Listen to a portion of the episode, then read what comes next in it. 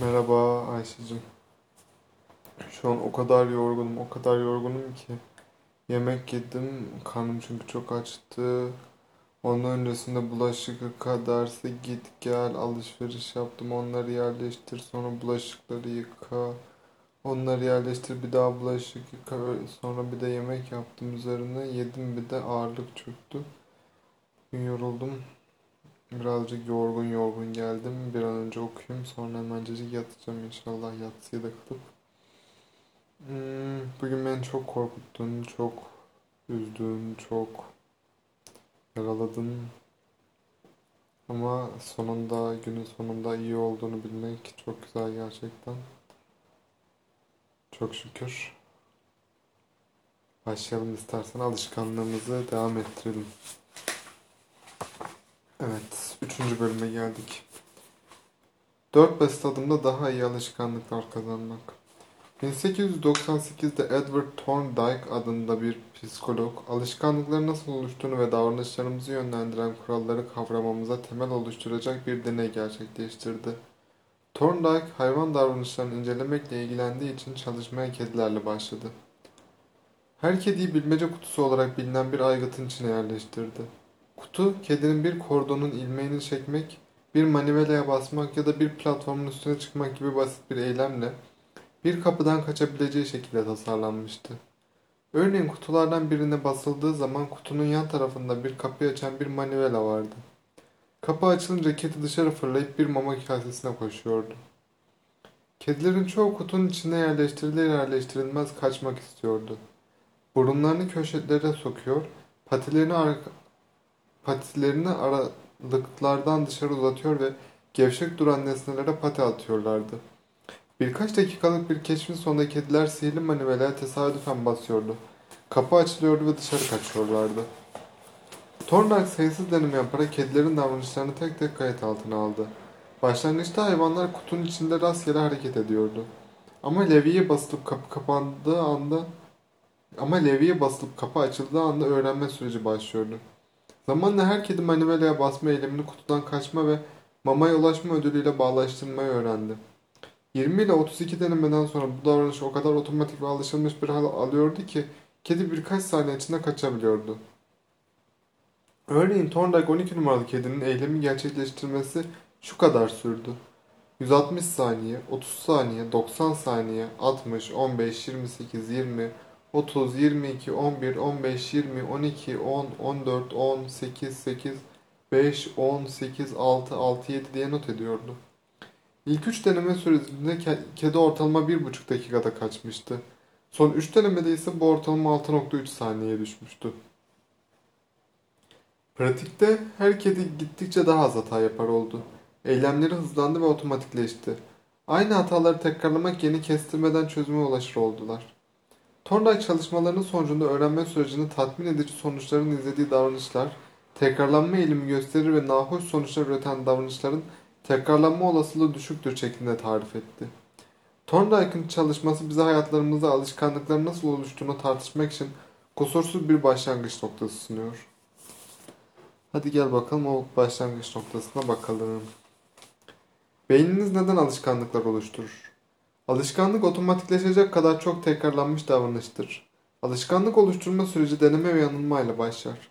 Hayatta yeni bir durumla her karşılaştığınızda beyninizin bir karar vermesi gerekir. Buna nasıl tepki vermeliyim? Bir sorunla ilk kez karşılaştığınızda onu nasıl çözeceğinizden emin olamazsınız. Thorndike'ın kedisi gibi neyin işe yarayacağını görmek için bir şeyler denersiniz.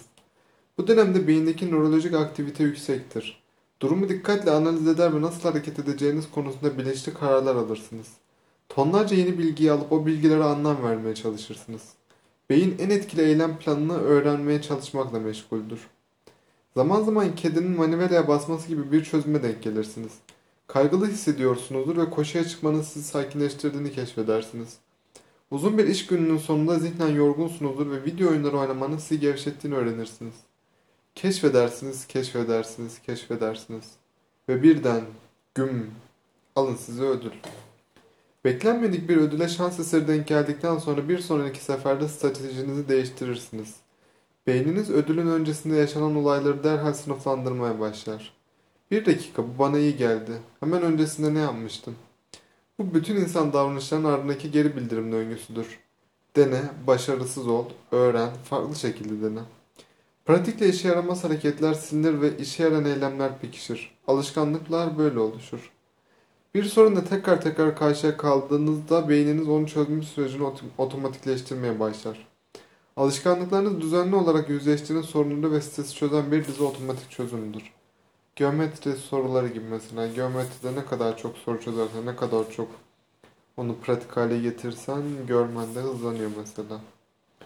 Davranış bilimci Jason Hirala'nın yazdığı gibi alışkanlıklar en basit haliyle çevremizde tekrarlanan sorunlarla güvenilir çözümlerdir. Alışkanlıklar yaratılırken beyindeki aktivite düzeyi azalır. Başarıyı öngören ipuçlarına kilitlenmeyi ve diğer her şeyi kendinizi kapatmayı öğrenirsiniz. Gelecekte benzer bir durum olduğunda ne arayacağınızı bilirsiniz. Durumun her açısını analiz etmeye gerek kalmamıştır. Beyniniz deneme yanılma sürecini es geçer ve zihinsel bir kural yaratır. Böyle olursa şöyle olur. Bu bilişsel senaryolara şartların uygun olduğu her durumda uyulabilir. Artık strese kapıldığınızda koşma arzusuyla dolarsınız. İş dönüşü kapıdan içeri girdiğiniz anda oyun konsolunun kumandasını kaparsınız.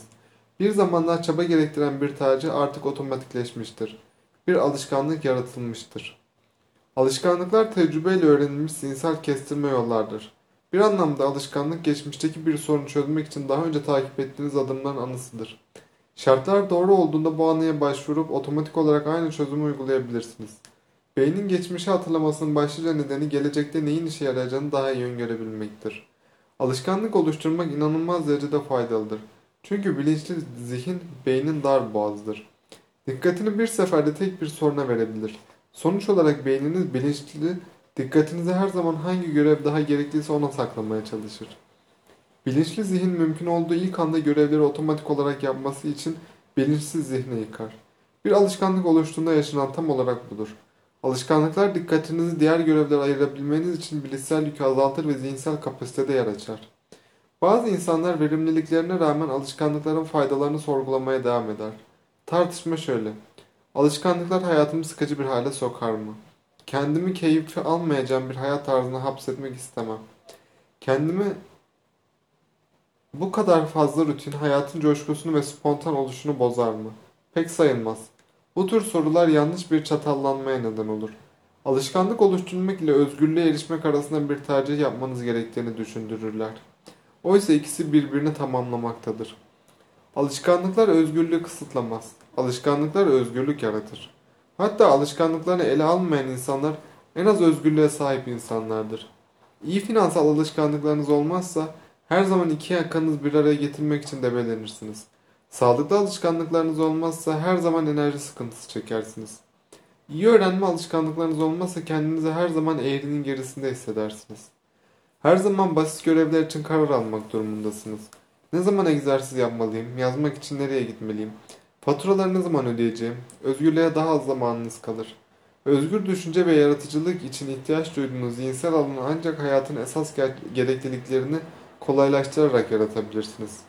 Şimdiki zamanda alışkanlık inşa etmek gelecekte istediklerinizi daha fazla yapmanıza olanak sağlar. Evet burada bir ara verelim. Sonra alışkanlık bilimi nasıl işler diye bir bölüm var. Oraya geçeceğiz. Yani buradan benim kısaca çıkardığım şey alışkanlık yaratmak için, alışkanlık oluşturmak için öncelikle bir geçmişe bakmak gerekiyor. Geçmişte ben neyi doğru yaptım, neyden memnun kaldım. Ee, yani buradan güç alarak sonra da farklı şeyler denemek gerekiyor bence. Ne bileyim işte resim yapmak iyi geliyor bana diye en azından bir denemek gerekiyor ya da işte başka bir şeyle uğraşmak böyle bir saat kendini oturup dinlemek ya da gözün açık tavanı izlemek hangisi sana iyi geliyorsa hangisi böyle e, kendini toparlamanı sağlıyorsa onu alışkanlık haline getirip böyle e, o belli anlar geldiğinde onu uygulayabiliriz gibi bir sonuç çıkarıyorum. E, mesela temizlik noktası. Ben bu bulaşığı mesela iki günde bir yıkarsam bir daha yığını oluşmaz ve ben de çok yorulmamış olurum diyorum mesela. Bakalım bunu tecrübeyle gösterebilecek miyim ya da şey yapabilecek miyim? Çok konuştum yine. Ee, teşekkür ediyorum dinlediğin için. 10 dakika olmuş tam. Görüşmek üzere.